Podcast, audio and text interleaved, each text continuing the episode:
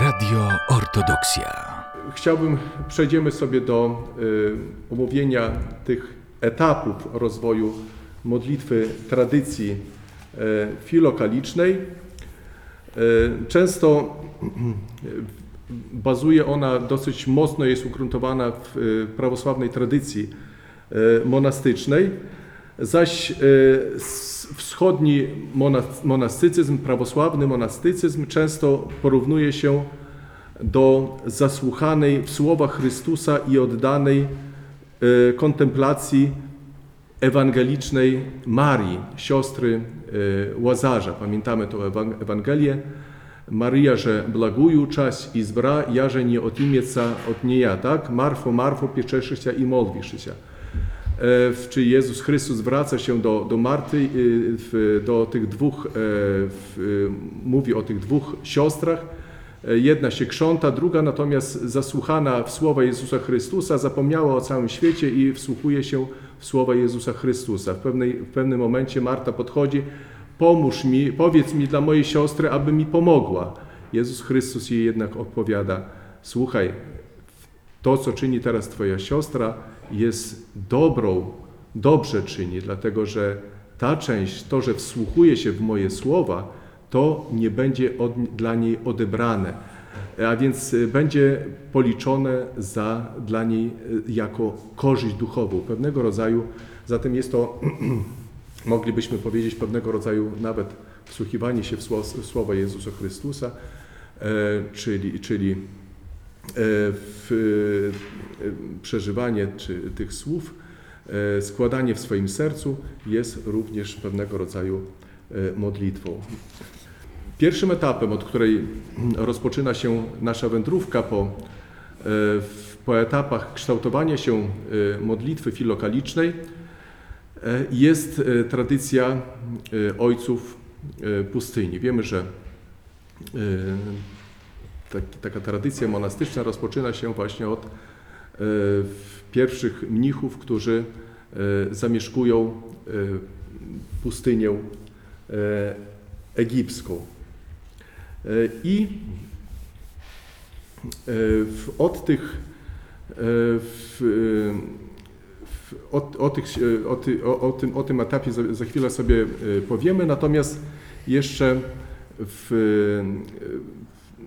mianem wstępu do, do e, dzisiejszego tema- tematu warto byłoby sobie powiedzieć, bo w te, tematem tej książki jest w, e, w, w, modlitwa w prawosławnej tradycji filokalicznej. Czym jest ta filokalia? Czym jest filokalia? E, w- Filokalia jest największą i najbardziej znaną w duchowości e, prawosławnej antologią pism ascetyczno-mistycznych, a więc takim zbiorem pism e, ojców e, pustyni, monastycyzmu o pism e, ascetyczno-mistycznych i zaj- zajmuje ważne miejsce w całej tradycji chrześcijańskiej.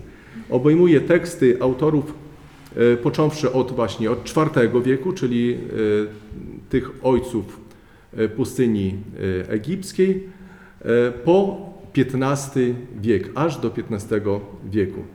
E, Niemal, e, I są to w, niemal wyłącznie e, w, przedstawiciele w świętych ojców greckich i, i bizantyjskich. Ułożyli ją w końcu XVIII wieku dwaj greccy duchowni. Kto właśnie ułożył tą filokalię? E, Nie mówię, że napisał, ale ułożył, dlatego że jest to zbiór pewnych pism już ojców, którzy te pisma e, tworzyli. E, Byli to właśnie święty Nikodem Hagioryty i, Hagioryta i Makary z Koryntu. Dokona- Dokonali oni wyboru i opracowania tekstów w części y, nigdy nie drukowanych jeszcze w greckim, y, po części nigdy nie drukowanych jeszcze w greckim oryginale. E, I Filokalia przedstawia pisma około 36 autorów, e, podając je w układzie chronologicznym. Ilustruje w ten sposób ponad e, tysiąc lat rozwoju piśmiennictwa ascetyczno-mistycznego, ukazując nadto jego różne oblicza. I w- słowo filokalie, dosłownie miłość, w- e, znaczy tyle co miłość tego, co piękne i dobre, e, jako zwłaszcza to, w, zwłaszcza do Boga, tyczy się właśnie, właśnie Boga jako źródła pięk, pięk, piękna i wszystkiego, co prowadzi do jedności z owym pięknem. E, Ale również może oznaczać to słowo filokalia e, tyle co zbiór dobrych rzeczy, a więc antologię. E, I to dzieło uwzględnia dwa poziomy duchowości. Jakie są te dwa poziomy duchowości? Jest to działanie i kontemplacja. W języku greckim praksis i teoria. A więc zarówno zewnętrzną ascezę prowadzącą do opanowania siebie, kontroli serca i wyprac- wypracowania cnót, jak i wewnętrzną czujność prowadzącą do zjednoczenia z Bogiem. E, I e, jeśli przejdziemy sobie do e, pierwszego etapu kształtowania się właśnie rozwoju modlitwy w tradycji filokalicznej, jak wspomnieliśmy, jest to etap e, ojców e, pustyni. Filokalia otwiera pismo zachowane pod imieniem świętego Antoniego Wielkiego, który był pierwszym wielkim pustelnikiem egipskim. I rozpoczyna on serię pisarzy monastycznych, eremitów, ascetów związanych przede wszystkim z Egiptem. Poza Antonim na egipskiej pustyni przebywali również obecni w antologii Filokalii Ewagriusz, Jan e, Kasjan i Izajasz e, Anachoreta. Żył na niej również Makary Wielki, któremu e, przydzielono pisma nieznanego autora z kręgów mesaliańskich, a także Filemon, działający w ostatnich latach przed zajęciem tych terenów przez Arabów w 640 e, roku.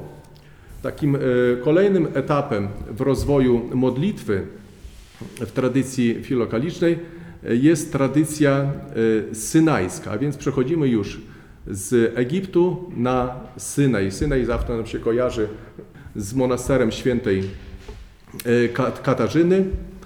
Dlaczego jest to kolejny etap?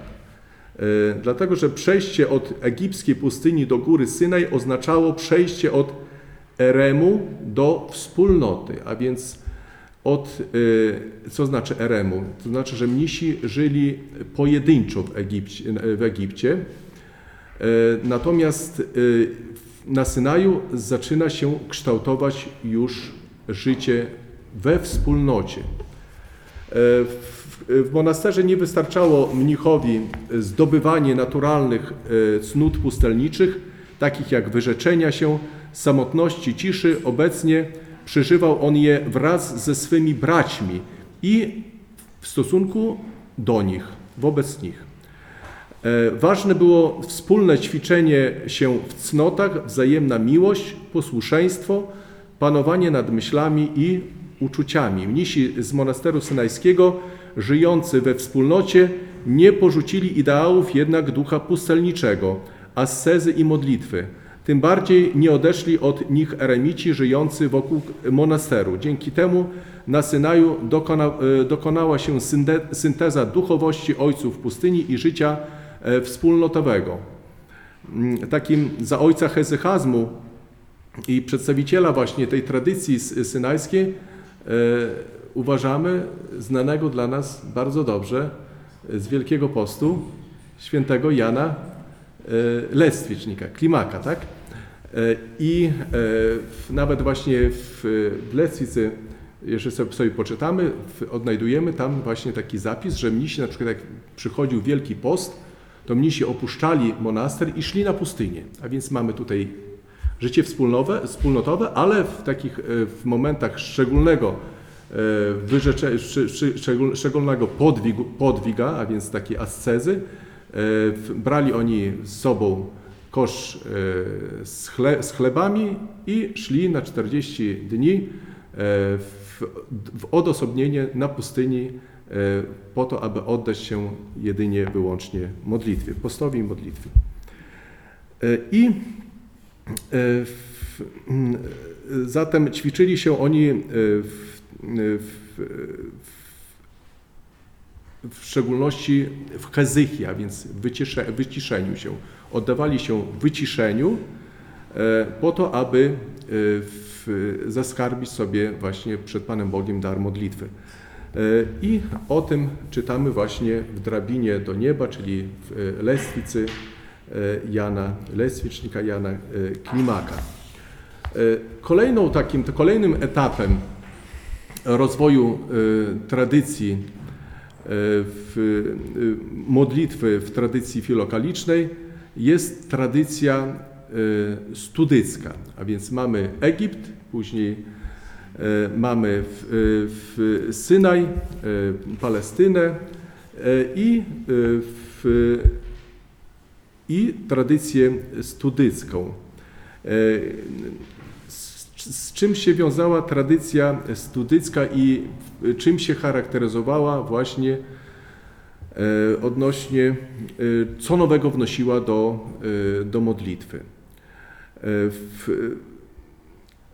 po tym jak e, Arabowie podbili e, w Egipt i e, Palestynę, e, mnisi musieli sobie szukać schronienia i te schronienie znaleźli w Konstantynopolu. A więc widzimy diametralnie różne miejsca, e, bo w, e, od e, miejsca pustynnego do miejsca e, w, astycznego, a więc mówimy już o mieście, dużym mieście. I w, tutaj ta szczególna tradycja, która się właśnie wykształtowała, nie tylko, bo ci mnisi nie, nie wszyscy udali się do, do, do, do, do tego wielkiego miasta. Znane są inne również e, okręgi, natomiast te, ten, e, ta tradycja, która się wykształ, ukształtowała w tym mieście, miała swój szczególny, jak gdyby odrębny charakter. E, W stolicy właśnie wyróżniał się monaster studytów założony przez konsula Studiosa w 463 roku i zdobył szczególne znaczenie właśnie w, w okresie między VIII IX wiekiem, gdy e, zasłużył się w obrazie e, kultu obrazów, e, w, w obronie kultu obrazów, a więc wtedy, gdy były, mamy do czynienia z ikonoborczestwem, a więc prześla, prześladowaniem czcicieli e, ikon, e, to ten monas, te monastery odgrywały bardzo ważną rolę. Zreformowany, zreformowany przez e, Teodora Sodytę e, w, na przełomie VIII-IX wieku e, kierował się zasadami ściśle e, cenobitycznymi, a więc wspólnotowymi. E, Duch monasteru różnił się od ducha Synaju e, akcentem położonym na, e, e, mówiliśmy o tych dwóch rodzajach życia duchowego, praksis i feoria, a więc e, w, tą praktyczną i kontemplacyjną. Tutaj bardziej właśnie na tą, na tą e, część praktyczną, a więc na zasadniczą ascezę e, zmierzającą do opanowania namiętności i zdobywania cnót. Monaster miał też charakter względnie czynny w świecie. Mnisi zajmowali się bowiem pracą fizyczną, społeczną, nauką, kopiowaniem rękopisów i innymi praktycznymi czynnościami. Tym niemniej modlitwa i liturgiczny cykl monastycznych e, obrzędów pozostawały ośrodkiem życia e, tej, tych wspólnot. Studios stanowi przykład duchowości, któ- która nie przeciwstawia sobie życia cenobitycznego i kontemplacyjnego. E, I przechodzimy sobie płynnie do, na, na przykład na, na obrzeżach Konstantynopola też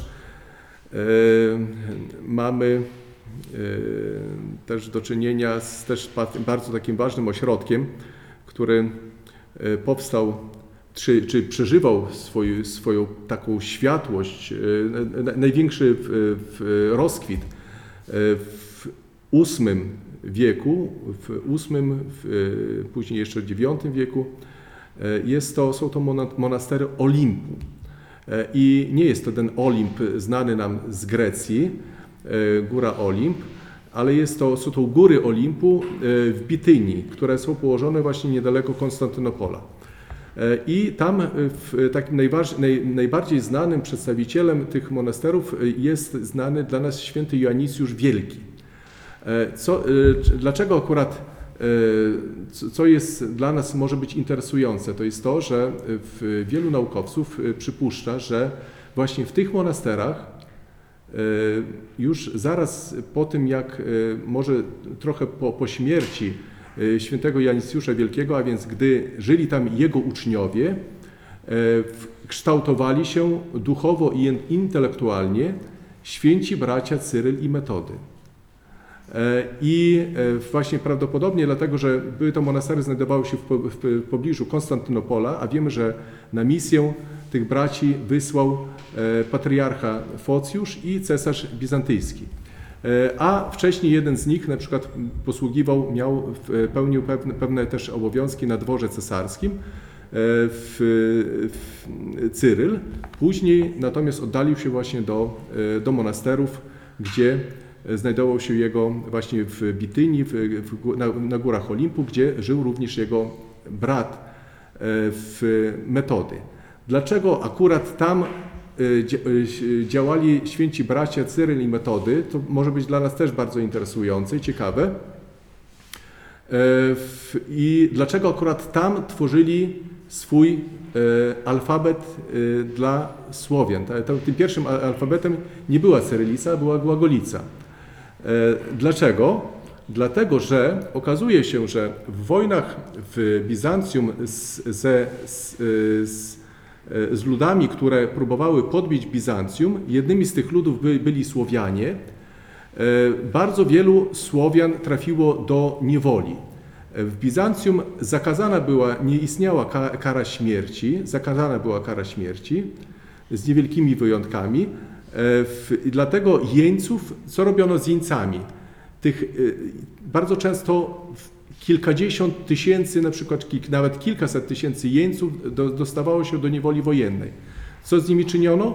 Przesiedlano ich w, często w głąb Azji Mniejszej e, po to, aby obrabiali ziemię, aby, aby zajmowali się rolą. W ten sposób właśnie w tych okolicach Bityni e, znalazło się kilkaset tysięcy Słowian. I co ciekawe, że prawdopodobnie E, jak niektórzy z naukowców przypuszczają, e, że, ten, e, że święci bracia, bracia Cyry i Metody mogli właśnie na, na bazie właśnie zamieszkujących tam Słowian tworzyć właśnie swój pierwszy alfabet. Ale troszeczkę odszedłem od tematu. Wróćmy do naszej, do kolejnego etapu, po tym etapie studyckim wraca, następuje etap hagiorycki, a więc tradycja góry Atos, która w jakiś sposób jeszcze w, w, cofa się do właśnie do tej tradycji synajskiej i egipskiej, gdzie mamy do czynienia z, nie tylko z tradycją wspólnoty, ale również z praktykowaną tradycją eremicką, a więc Wiemy, że na Atosie mamy nie tylko 20 monasterów wspólnotowych, ale mamy też bardzo wiele skitów, ale też mamy też bardzo wiele kieli, cel. I w tych celach życie, żyją mnisi bardzo często pojedynczo albo małymi grupkami. E, I tam e, e, w, obowiązują ich pewne zasady, które bardziej są bliskie właśnie życiu eremitów. E, na Atosie kontynuowano tradycję hezychazmu synajskiego, a więc tą podstawą, elementarzem e, e, w duchowym rozwoju mnichów właśnie była, była między innymi ta książka, która, o której wspomnieliśmy, w drabinie świętego Jana Klimaka, Jana Leswicznika.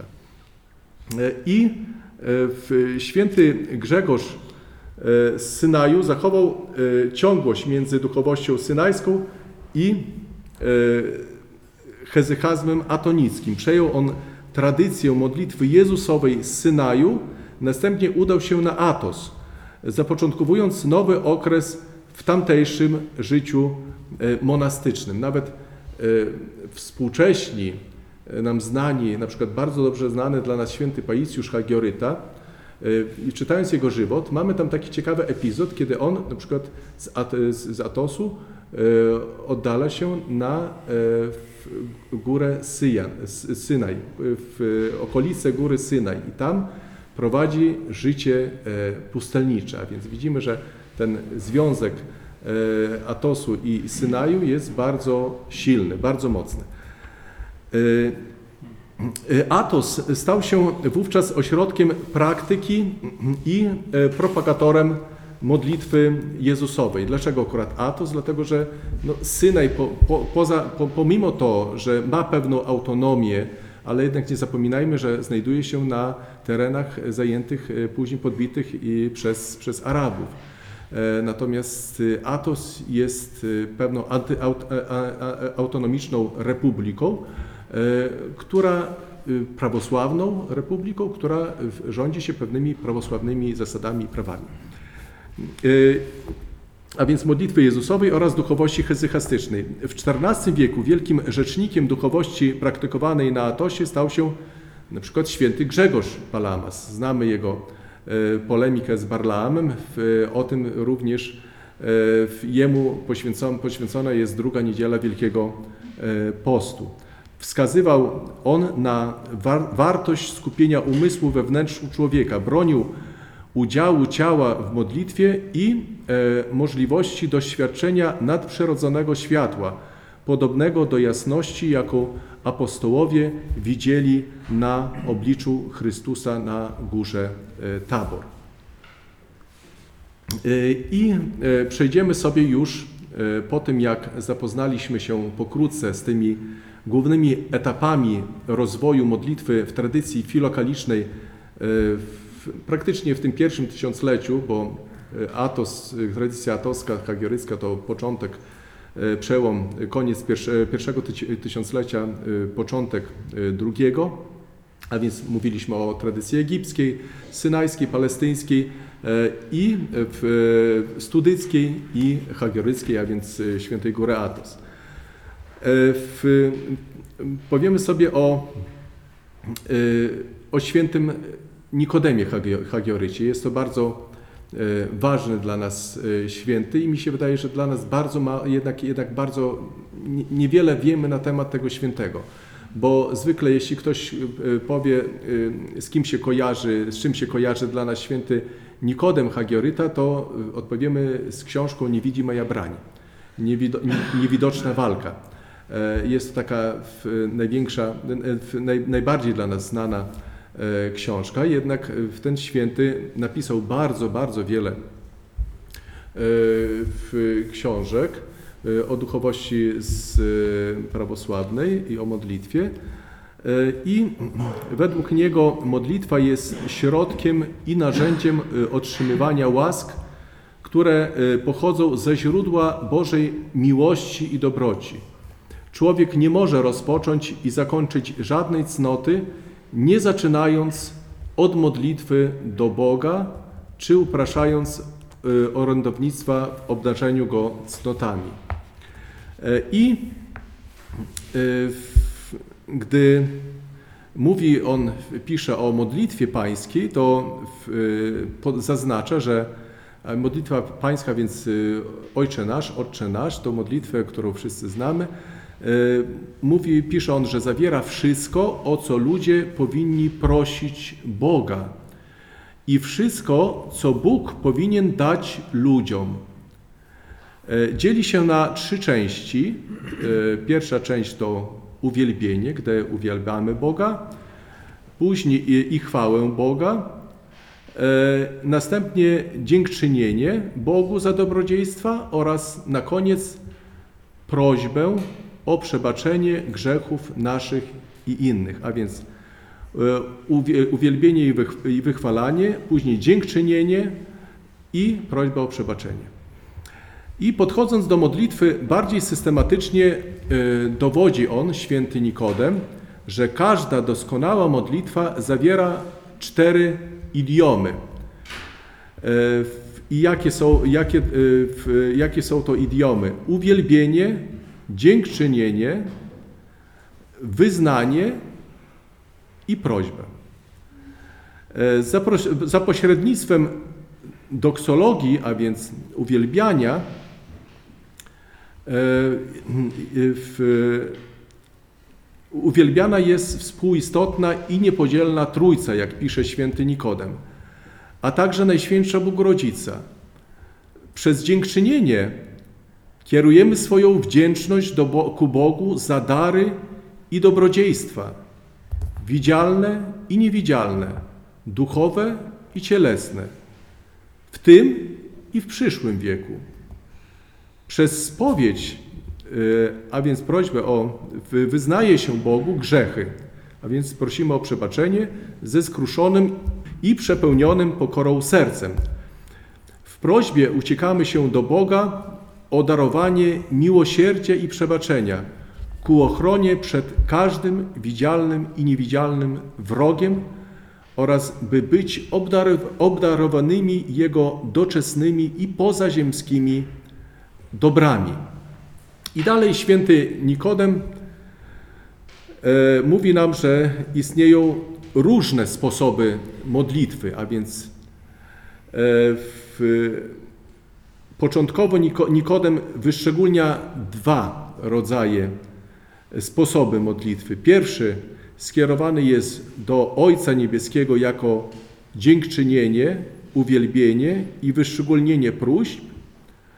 Drugi natomiast jest zwróceniem się do aniołów i świętych, ponieważ pragną zbawienia ludzi i skoro obdarowani, y, są obdarowani nadprzyrodzonymi charyzmatami, mogą wspomóc wiernych. A więc bezpośrednia modlitwa do Boga i modlitwa do tych, którzy mogą przebłagać za nas Pana Boga, a więc tymi są nasi święci.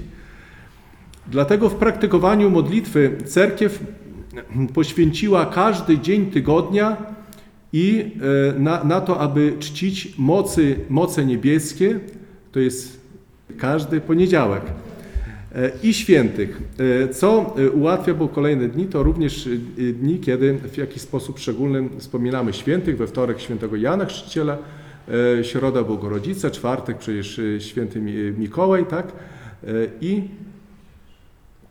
apostołowie, sobota to wszyscy, wszyscy święci. Co ułatwia, ułatwia modlitwę wiernym, ale już na pewno każdego dnia i na widocznym miejscu znajduje się jaka święta? Przenajświętsza Bogorodzica, e, która widnieje ponad całym stworzeniem, obdarowując niezliczonymi łaskami wiernych, a więc ta, która na pewno może za nas e, przebłagać Pana Boga, e, jest właśnie, tą jest Przenajświętsza Bogorodzica. I w celu ułatwienia zrozumienia modlitwy Nikodem naucza o istnieniu dwóch metod. Jakie są to te główne metody? E, Są to metody, e, jest to metoda wewnętrzna i zewnętrzna. E, Modlitwa wewnętrzna wymienia się na przemian z zewnętrzną metodą, którą są nabożeństwa naszej cerkwi. E, Połączonych z, różnymi formami modlitwy, takimi jak, jak e, stanie w, świątyni, klęczenie, wznoszenie rąk. U nas nie wznosimy w cerkwi rąk, ale na przykład na Bliskim Wschodzie tam jest czymś takim normalnym, potrzebą serca, że że, w, w, że wierni na przykład podczas nabożeństw wznoszą ręce. U nas akurat można powiedzieć, że nie jest to przyjęte. Bardziej może w takiej modlitwie indywidualnej, domowej. E, Także co kraj to, to obyczaj. E, Tam się bardziej ludzie w ten sposób uzewnętrzniają. E, U nas jest to troszeczkę w, jakiś sposób bardziej ko- kojarzone z, tak, takim bardziej może indywidualną prośbą, w, czy indywidualnym uzewnętrznieniem się na, na, na modlitwie. E, Zalecone, e, e, zaleca on również takie nabożeństwa jak właśnie te, które znamy, wieczernie, powieczernie, północznice jutrznie, święta li- liturgie, święta liturgia, kt- które określają czas modlitwy cerkwi, a więc mówi o, o tych nabożeństwach jako, jako o czasie modlitwy cerkwi, która jest k- e, również miejscem ustanowionej modlitwy. Wewnętrzną drogą jest jednak nieprzerwana ko- koncentracja umysłu na słowach modlitwy, która y, stwarza poczucie ciągłej obecności w obliczu e, Boga. Więc ta forma zewnętrzna, czyli nabożeństwa, i wewnętrzna, czyli koncentracja się, koncentrowanie się na, na słowach modlitwy. E, I e, która stwarza poczucie ciągłej obecności w obliczu Boga e, i świadomości skruchy, żalu, pokornego płaczu. Taka jest właśnie wewnętrzna modlitwa umysłu i serca. Jeszcze święty Nikodem na przykład wspomina, że skrucha serca połączona z pokutnymi łzami jest, jest skrzydłami modlitwy, które osiągamy przez strach Bożej obecności i świadomość marności i grzeszności człowieka naruszającego boskie przykazania oraz niegodnego modlenia się przed Bogiem.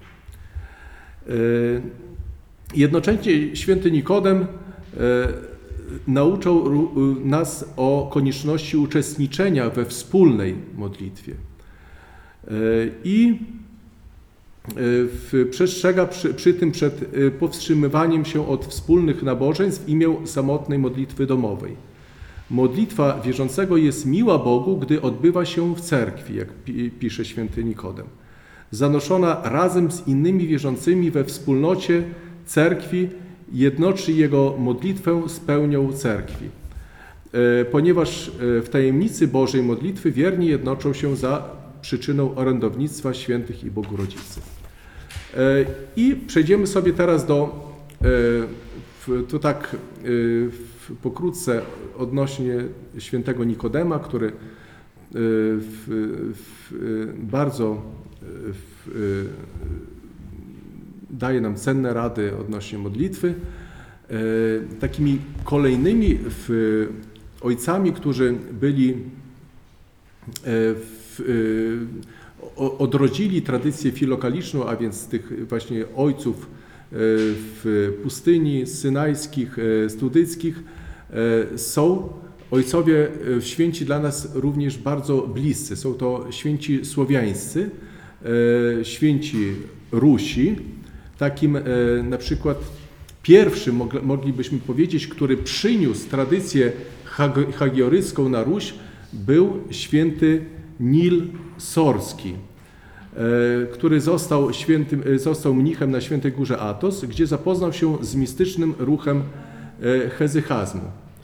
I po powrocie na Ruś założył skit nad brzegiem rzeki Sora, dlatego nazywamy go Nilem Sorskim.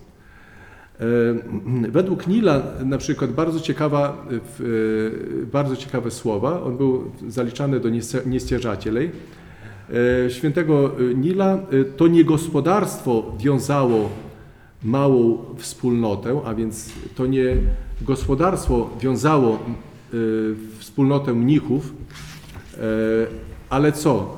Modli- ale modlitwa mówi, czyli nie jest tym najważniejszym e, w gospodarstwo w, w monasterze, ale modlitwa. I e, w, wydaje się, że Nil był pierwszym e, rosyjskim pisarzem, który radził, aby modlitwę Jezusową łączyć z metodą e, psychosomatyczną, polegającą na połączeniu modlitwy z oddechem i biciem serca. Prawdopodobnie metoda była znana rosyjskim mnichom już dużo wcześniej, ponieważ dzieła Grzegorza z Synaju i Symeona Nowego Teologa zostały przetłumaczone już w XIV wieku na e, język rosyjski. U świętego Nila modlitwa umysłu jest nierozerwalnie związana z opisem walki ze złymi myślami i namiętnościami. Modlitwa w żaden sposób nie zastępuje sprawdzonych środków ascezy, ale jest sposobem zmagań ważnym, lecz niewyjątkowym. Metoda modlitwy dla Nila nie jest wyłączną czy magiczną sama nie przynosi zwycięstwa nad namiętnościami, ale pozostaje jednym ze środków do strzeżenia umysłu i czujności serca. Um, modlitwa umysłu lub serca nie jest odpowiednikiem pracy wewnętrznej, ale jest jednym z jej elementów. Tak? Czytamy u świętego y, Nila. E, Praktyka y, strzeżenia umysłu, a więc stania na straży swojego serca i czujności jest znacznie starsza od psychotechnicznej e, metody modlitwy i zajmuje centralne miejsce w dziele świętego Nila, ale także w tych e, dziełach e, świętego Jana Klimaka, Izaaka Seryjczyka, Hezechiusza, Fileteusza, Grzegorza z Synaju. Charakterystyczne u Nila jest to, że dodatkowo wzmacnia elementy synaickie wszelkimi sposobami wyrazu. Jego prostota w opisie metody modlitwy hezychastycznej z pewnością nie oznacza braku jednomyślności z innymi pisarzami e, w, w, neptycznymi. Należy ją tłumaczyć niebezpieczeństwami, jakie przewidział dla najmniej doświadczonych ze swoich duchowych uczniów, którzy mogli mechanicznie interpretować modlitwę jako technikę a tym samym osiągać niekontrolowane stany psychiczne, które prowadziłyby do złudzeń duchowych i całkowitego zaciemnienia ich umysłu. Zatem z, z podobnych technik modlitewnych korzystają niektórzy e, z takich właśnie podobnych, te, dlaczego on i w- przestrzegał, aby nie, e, nie skupiać się jedynie na, na technice, że ta, ta technika tak naprawdę ma jedynie pomagać modlitwie, nie ma być celem samym w sobie. I tutaj należy właśnie powiedzieć, zaznaczyć, że z podobnych technik e, modlitewnych korzystają na przykład niektórzy misty, mistycy hinduscy, którzy w ten sposób dochodzą do rozmaitych ekstaz, które jeśli nie są tylko demonicznym złudzeniem, należą do sfery religii naturalnej i nie można ich porównać do darów świętego ducha, osiąganych wyłącznie przez prawdziwą wiarę e, w Chrystusa. E, I e, w, takim innym znanym świętym z, z tego z,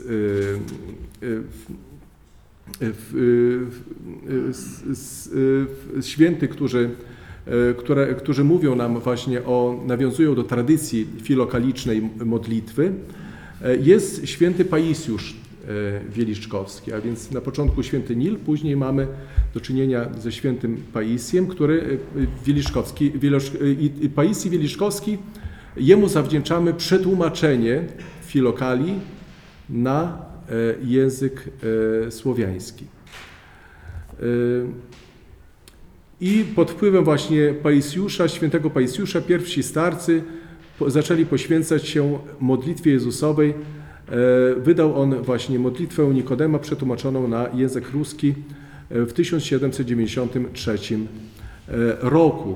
Na, na tej tradycji wyrośli starcy pustyni optyńskiej, optyńskiej którzy później pisali, że modlitwa nie może zaistnieć bez oczyszczenia myśli i cierpliwego znoszenia przykrości. Każdemu przystępującemu do modlitwy ci święci właśnie z pustyni, z pustyni optyńskiej radzili, aby przygotować siebie do walki z niewidzialnym wrogiem, gdyż żadna inna cnota nie trwoży tak szatana jak modlitwa. Y, Cytuję: Tam, gdzie ludzie mają za cel modl- modlitewny trud, nieprzyjaciel dokłada starań, aby rozniecić między nimi gniew, który czyni człowieka niezdolnym nie tylko do modlitwy, ale również do wszelkiego dobrego uczynku. W innym miejscu e, piszą, że modlitwa Jezusowa jest pożądana zarówno wtedy, gdy człowiek idzie lub siedzi, leży, spożywa posiłek, rozmawia lub zajmuje się jakimś rękodziełem. Ten, kto może podczas wszelkich zajęć odmawiać modlitwę Jezusową z pokorą, nie powinien jej pozostawiać. Za każde jej przerwanie należy winić z siebie i żałować tego z pokorą. Ale nie zamartwiać się, pomimo że może być oznaką ukrytej pychy i świadczyć o braku dostatecznego doświadczenia człowieka w dziele modlitwy. E, Dalej piszą również, że praktykującym ten modlitewny trud radzą oni właśnie, że tym, którzy praktykują, e, starają się praktykować modlitwę, e, nieustannie e, radzą, aby zwrócić szczególną uwagę na swoje serce, nie dopuszczając do pojawienia się w nim jakichkolwiek postronnych myśli. E, I jak e, e, piszą starcy obcińskie z Opty, e, w czasie modlitwy należy starać się odrzucać wszelkie myśli i nie, zwrac- nie zwracając się na, na nie uwagi, kontynuować modlitwę. Jeżeli natomiast napływ myśli bardzo się wzmaga, to ponownie trzeba zwrócić się do Boga z e, prośbą o pomoc. I święty Am, Am, Ambroży w swoich licznych pismach udzielał również porad, jak prawidłowo przechodzić poszczególne stopnie modlitwy. E, Szczególną uwagę zwracał na dokładne wypełnienie dwóch pierwszych etapów modlitwy. Jakie to są dwa pierwsze etapy? To jest etap ustny i później umysłu. Na początku e, staramy się modlitwę Jezusową powtarzać na głos, a później już, e, gdy w, możemy pomalutku postarać się, aby w, tą modlitwę powtarzać już w umyśle. Ona już nam tak się za... Będzie, gdy będziemy, nauczymy się ją powtarzać e, na głos, e, później łatwiej będzie można ją powtarzać nieustannie w umyśle.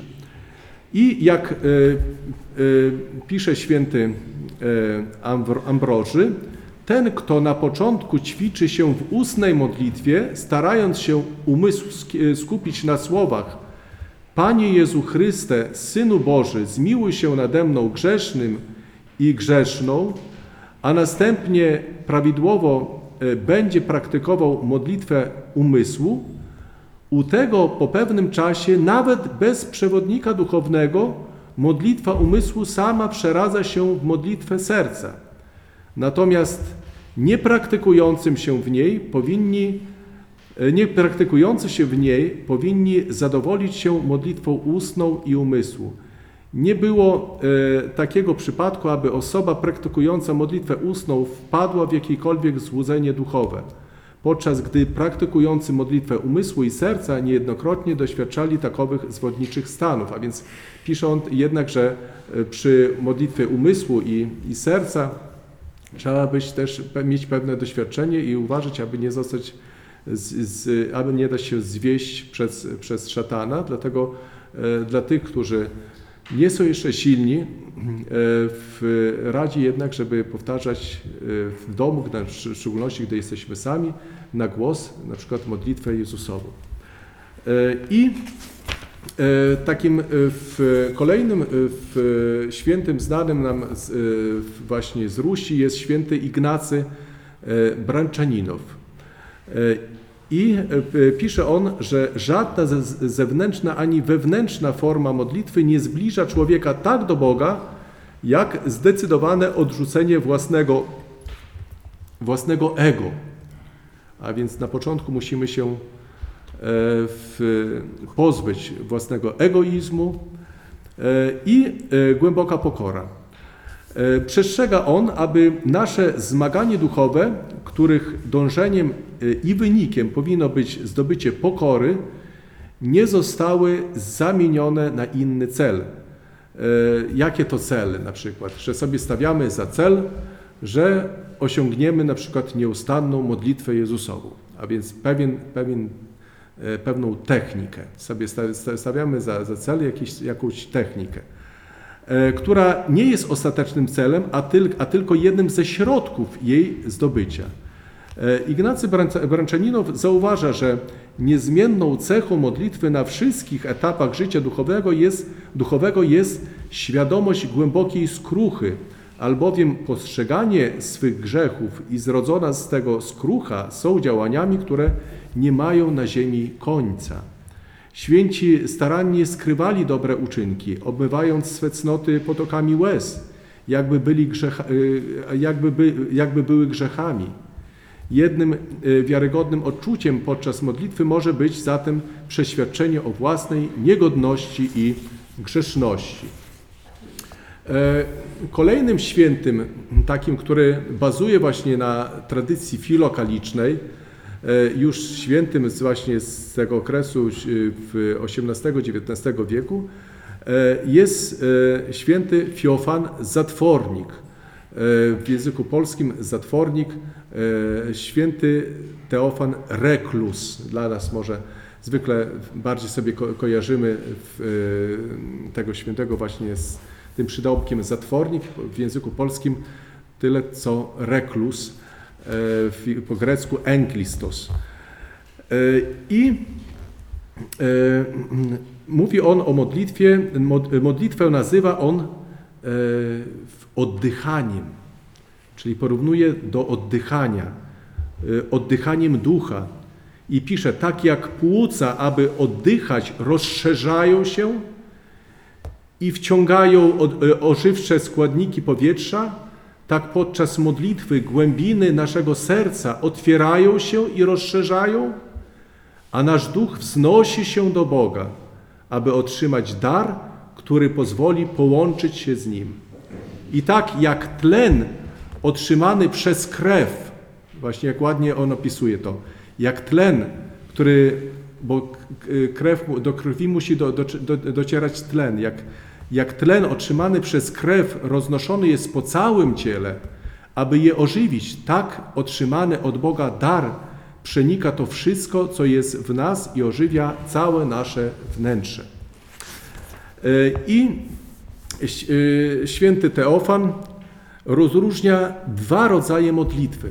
Święty Teofan jest w ogóle bardzo, bardzo takim w świętym, w świętym, który bardzo ładnie, bardzo obrazowo, bardzo wyraźnie pisze e, o, różnych metodach, rodzajach modlitwy.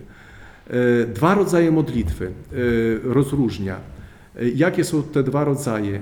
Odmawianą przez, człowieku, przez człowieka, tą, którą odmawia człowiek, i daną od Boga. Czyli ta modlitwa, te słowa, które my odmawiamy, ale również modlitwa, która, którą otrzymujemy od Boga. E, To właśnie drugi rodzaj. E, Ćwiczenia czynią modlitwę czystą, a myśli się uspokajają. Sama zaś atmosfera duszy może być oczyszczona wyłącznie za sprawą łaski Bożej i czystego sumienia. Nieustanna modlitwa, jak pisze święty e, Teofan, nie potrzebuje słów, ale ciągłej czujności.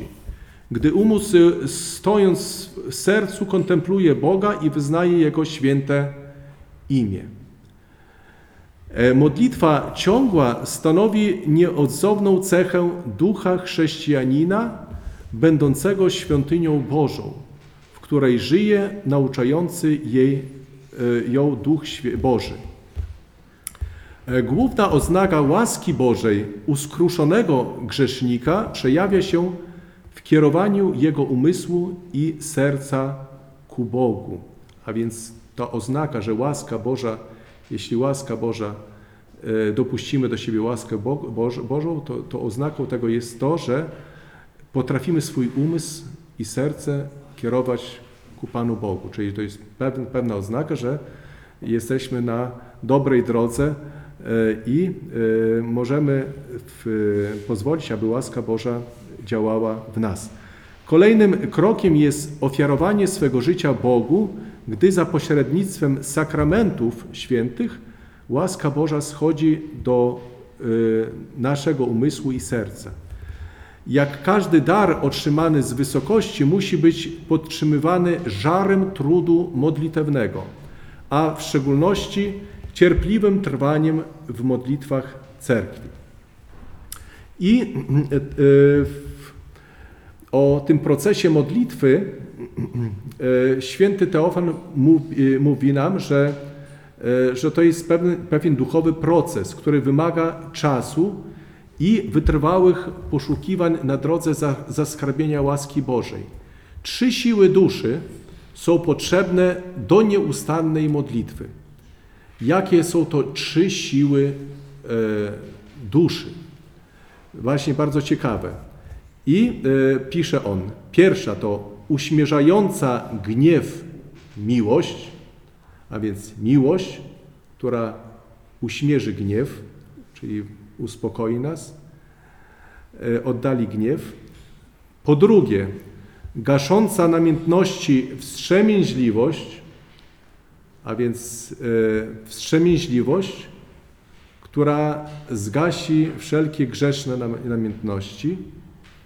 I po trzecie, wyrzekająca się wszystkich doczesnych pragnień umysłu modlitwa.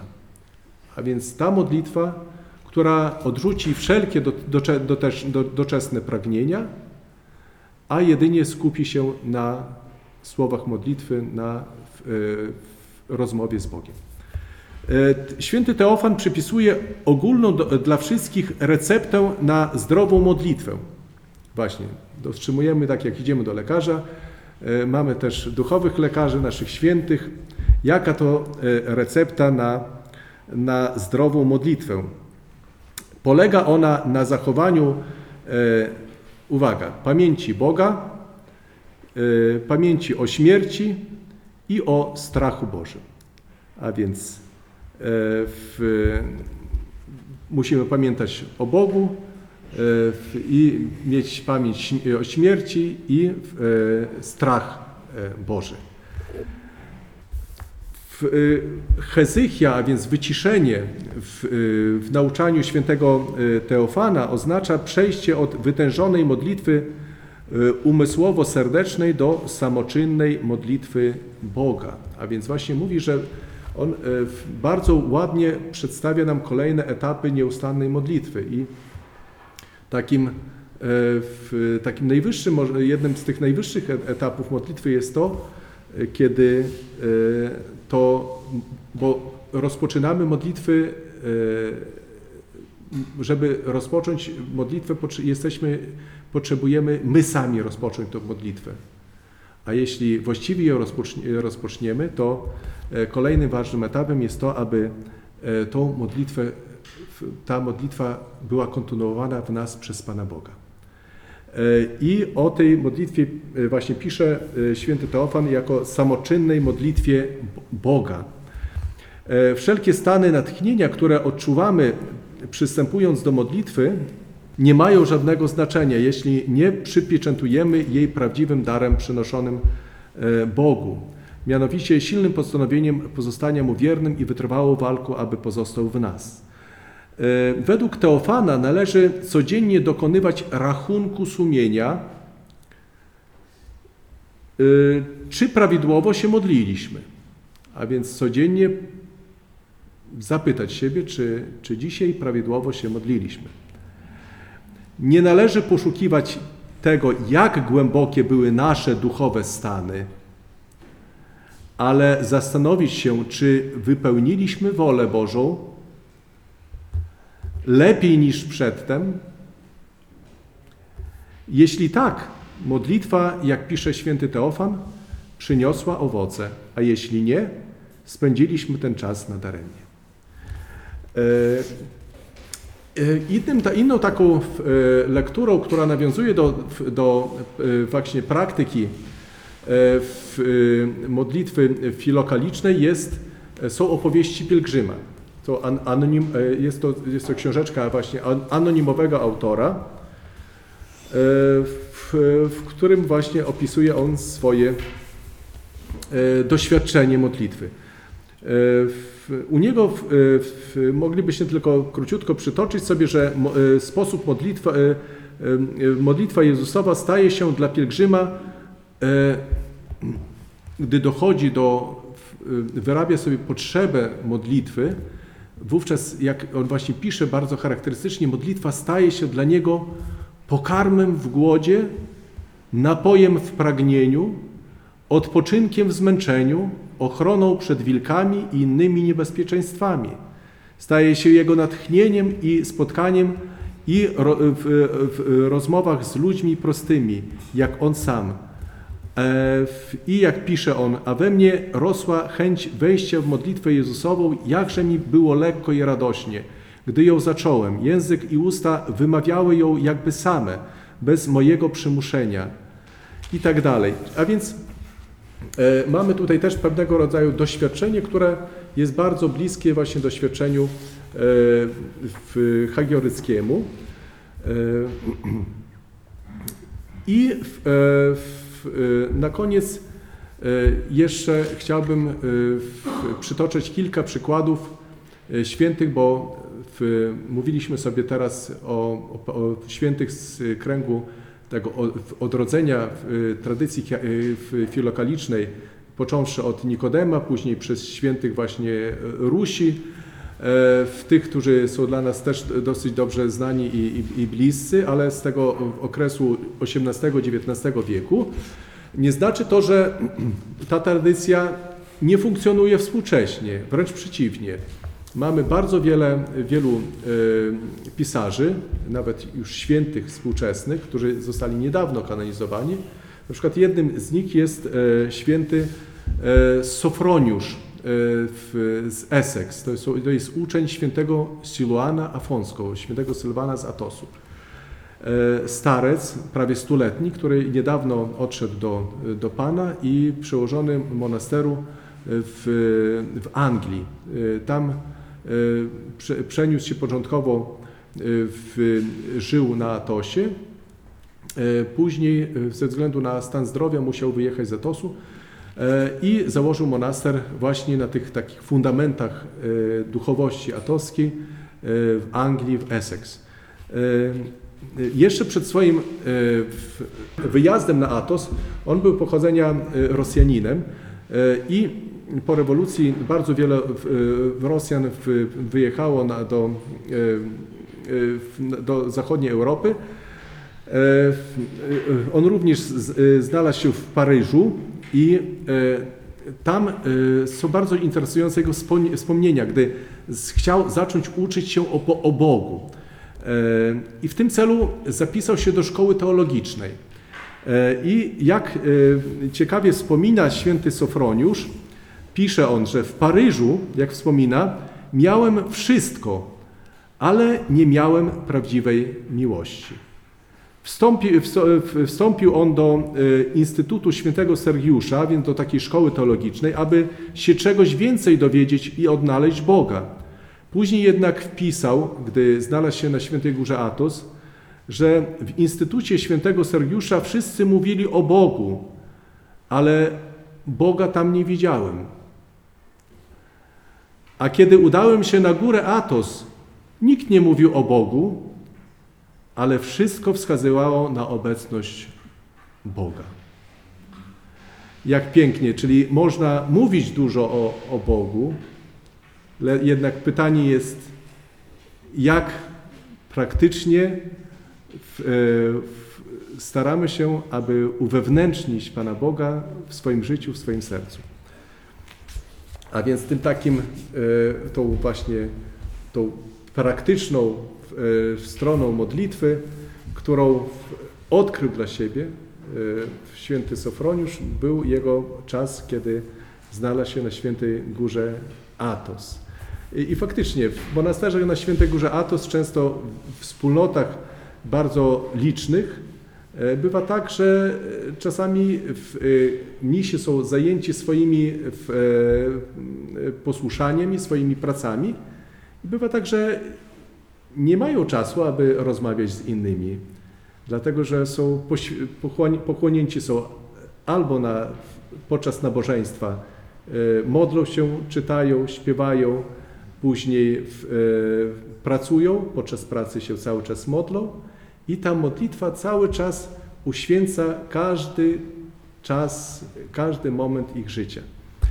E, i w, e, takim na przykład pierwszym, co ciekawe, pierwszym przewodnikiem duchowym, który, którego miał na Świętej Górze Atos, e, święty Sofroniusz, e, był e, archimandryta Kiryk. E, I posiadał on doświadczenie duchowe, które przekazał w słowach pouczających młodemu nowicjuszowi, Sofroniuszowi. Jakie to były właśnie pouczenia dla tego młodego adepta sztuki monastycznej? E, Mówił mu o modlitwie, cytuję ten sta, starzec Skiryk. Każdemu naszemu ruchowi powinna towarzyszyć modlitwa. Gdy wychodzę z celi, mówię sobie: Pokajania, otwórz mi drzwi życio, e, życiodawcze. Gdy decyduję się uczynić coś innego, powinienem odszukać inne słowa, odpowiednie do sytuacji. W ten sposób każdemu, każdemu podejmowanemu przez nas działaniu będzie towarzyszyła pamięć o Bogu. Powtarzał charakterystycznie, cytuję: Wszystko, co czynisz, zamień na modlitwę. Podczas e, wznoszenia w e, konstrukcji z kamienia można powtarzać: Jeśli nie Pan wzniesie dom, na próżno trudzili się budowni- budowniczowie. Jest to fragment psalmu. E, W powyższy sposób połączy się posługę diakonii monastycznej z pracą duchową. Też podobnie możemy to dopasować również i do, do prac fizycznych, które na co dzień, na co dzień e, wykonujemy, aby je uświęcać również e, modlitwą, ale również słowami modlitwami, modlitwy al- albo fragmentami z Pisma Świętego. Archimandryta Kiryk e, podkreślał, że ten, kto rozpoczyna życie monastyczne od filozofowania nad wszechogarniającą miłością, skończy jak pusty bęben. Ten zaś, kto rozpoczyna ją od posłuszeństwa i pokajania, doścignie w naturalny sposób modlitwę za cały świat. A więc nie mędrkowanie, nie filozofowanie, ale pokora serca, e, która e, pomaga nam w tym, aby prawidłowo się modlić. E, I podczas udzielania wskazówek młodemu adeptowi sztuki monastycznej, jak ma się modlić, mawiał: Uważaj, aby nie kierować ku Bogu błahych próśb, ale od wielkiego Boga będziesz upraszał jedynie wielkich rzeczy. W późniejszym czasie starzec Sofroniusz wspominał, że gdy ktoś się modli w ten sposób, staje się z nim coś zaskakującego. Człowiek biedny i nieposiadający niczego czuje nagle siebie posiadaczem niezmierzonego bogactwa Bożego z całym jego stworzeniem. E, I zatem e,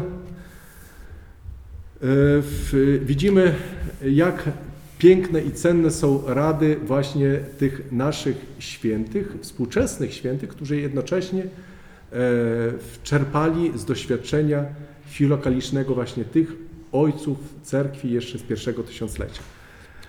Na przykład święty Sylwan, a więc e, nauczyciel, później tym pierwszym nauczycielem był starzec Kiryk u świętego Sofroniusza, a później właśnie już święty Sylwan, do którego trafia i który właściwie już ostatecznie ukształtuje świętego Sofroniusza. Y, I on ukazywał y, w monastycyzm prawosławny jako ucieleśnienie ducha modlitwy za cały świat. E, Skoro istotą jego diakonii, a więc służenia, jest pragnienie zbawienia całego świata.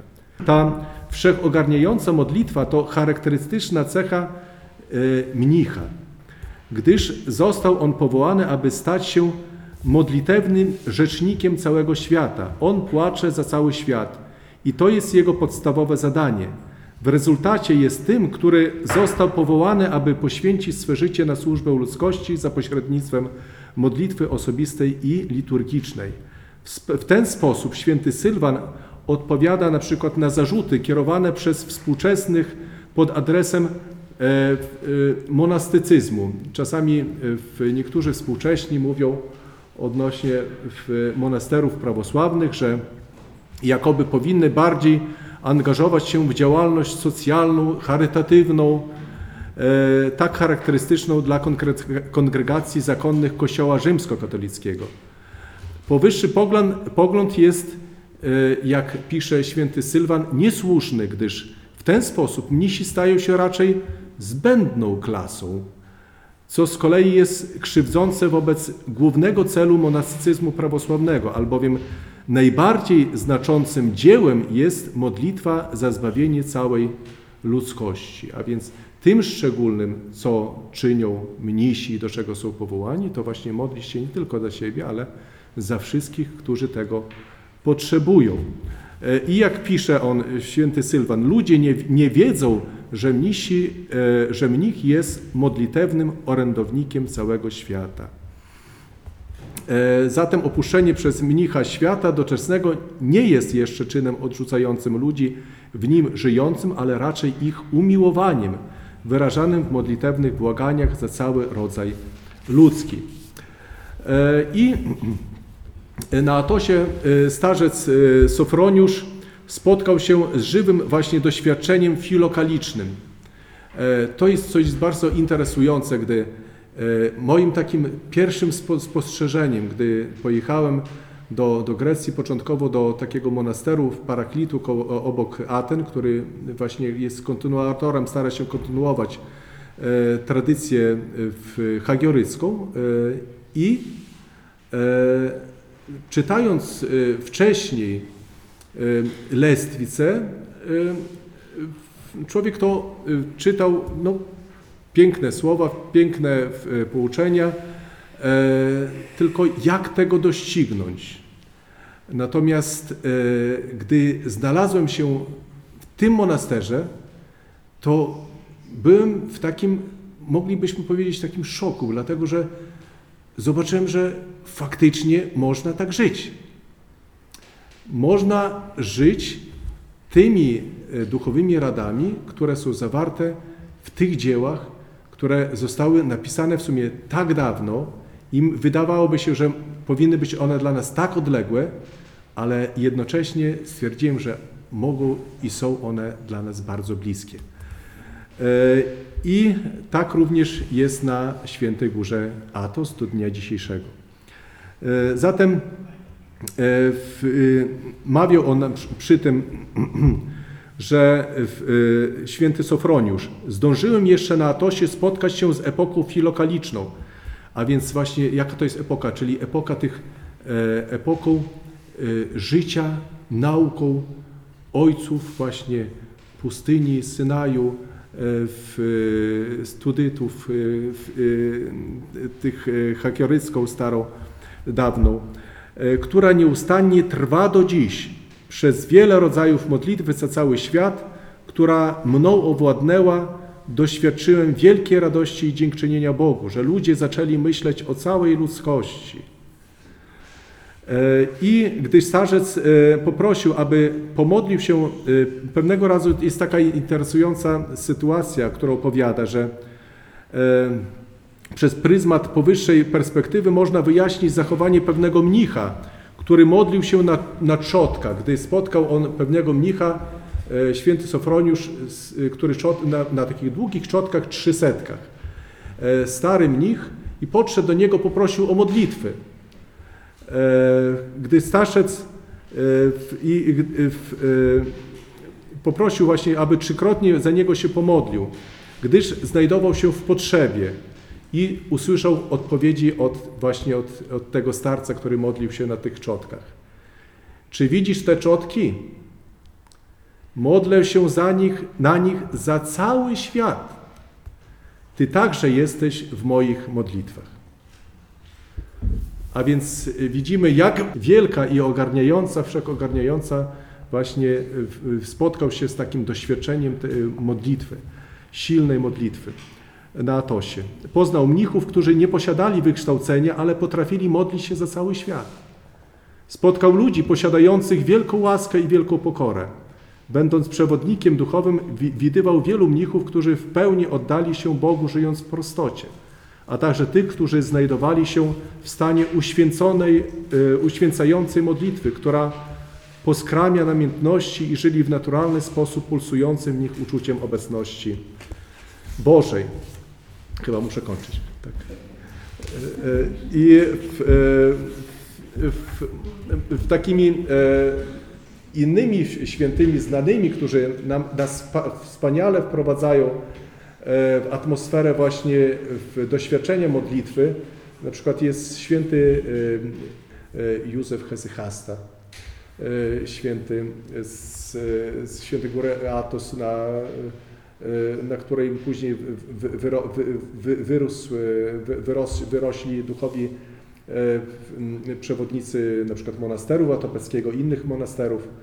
E, Także e, możemy sięgać do bardzo wielu takich e, postaci po to, aby, e, w- aby, aby po to, żeby faktycznie zdać, zdać sobie sprawę, że ta tradycja filokaliczna, właśnie te, ta tradycja modlitwy ojców jeszcze pierwszego tysiąclecia cały czas trwa.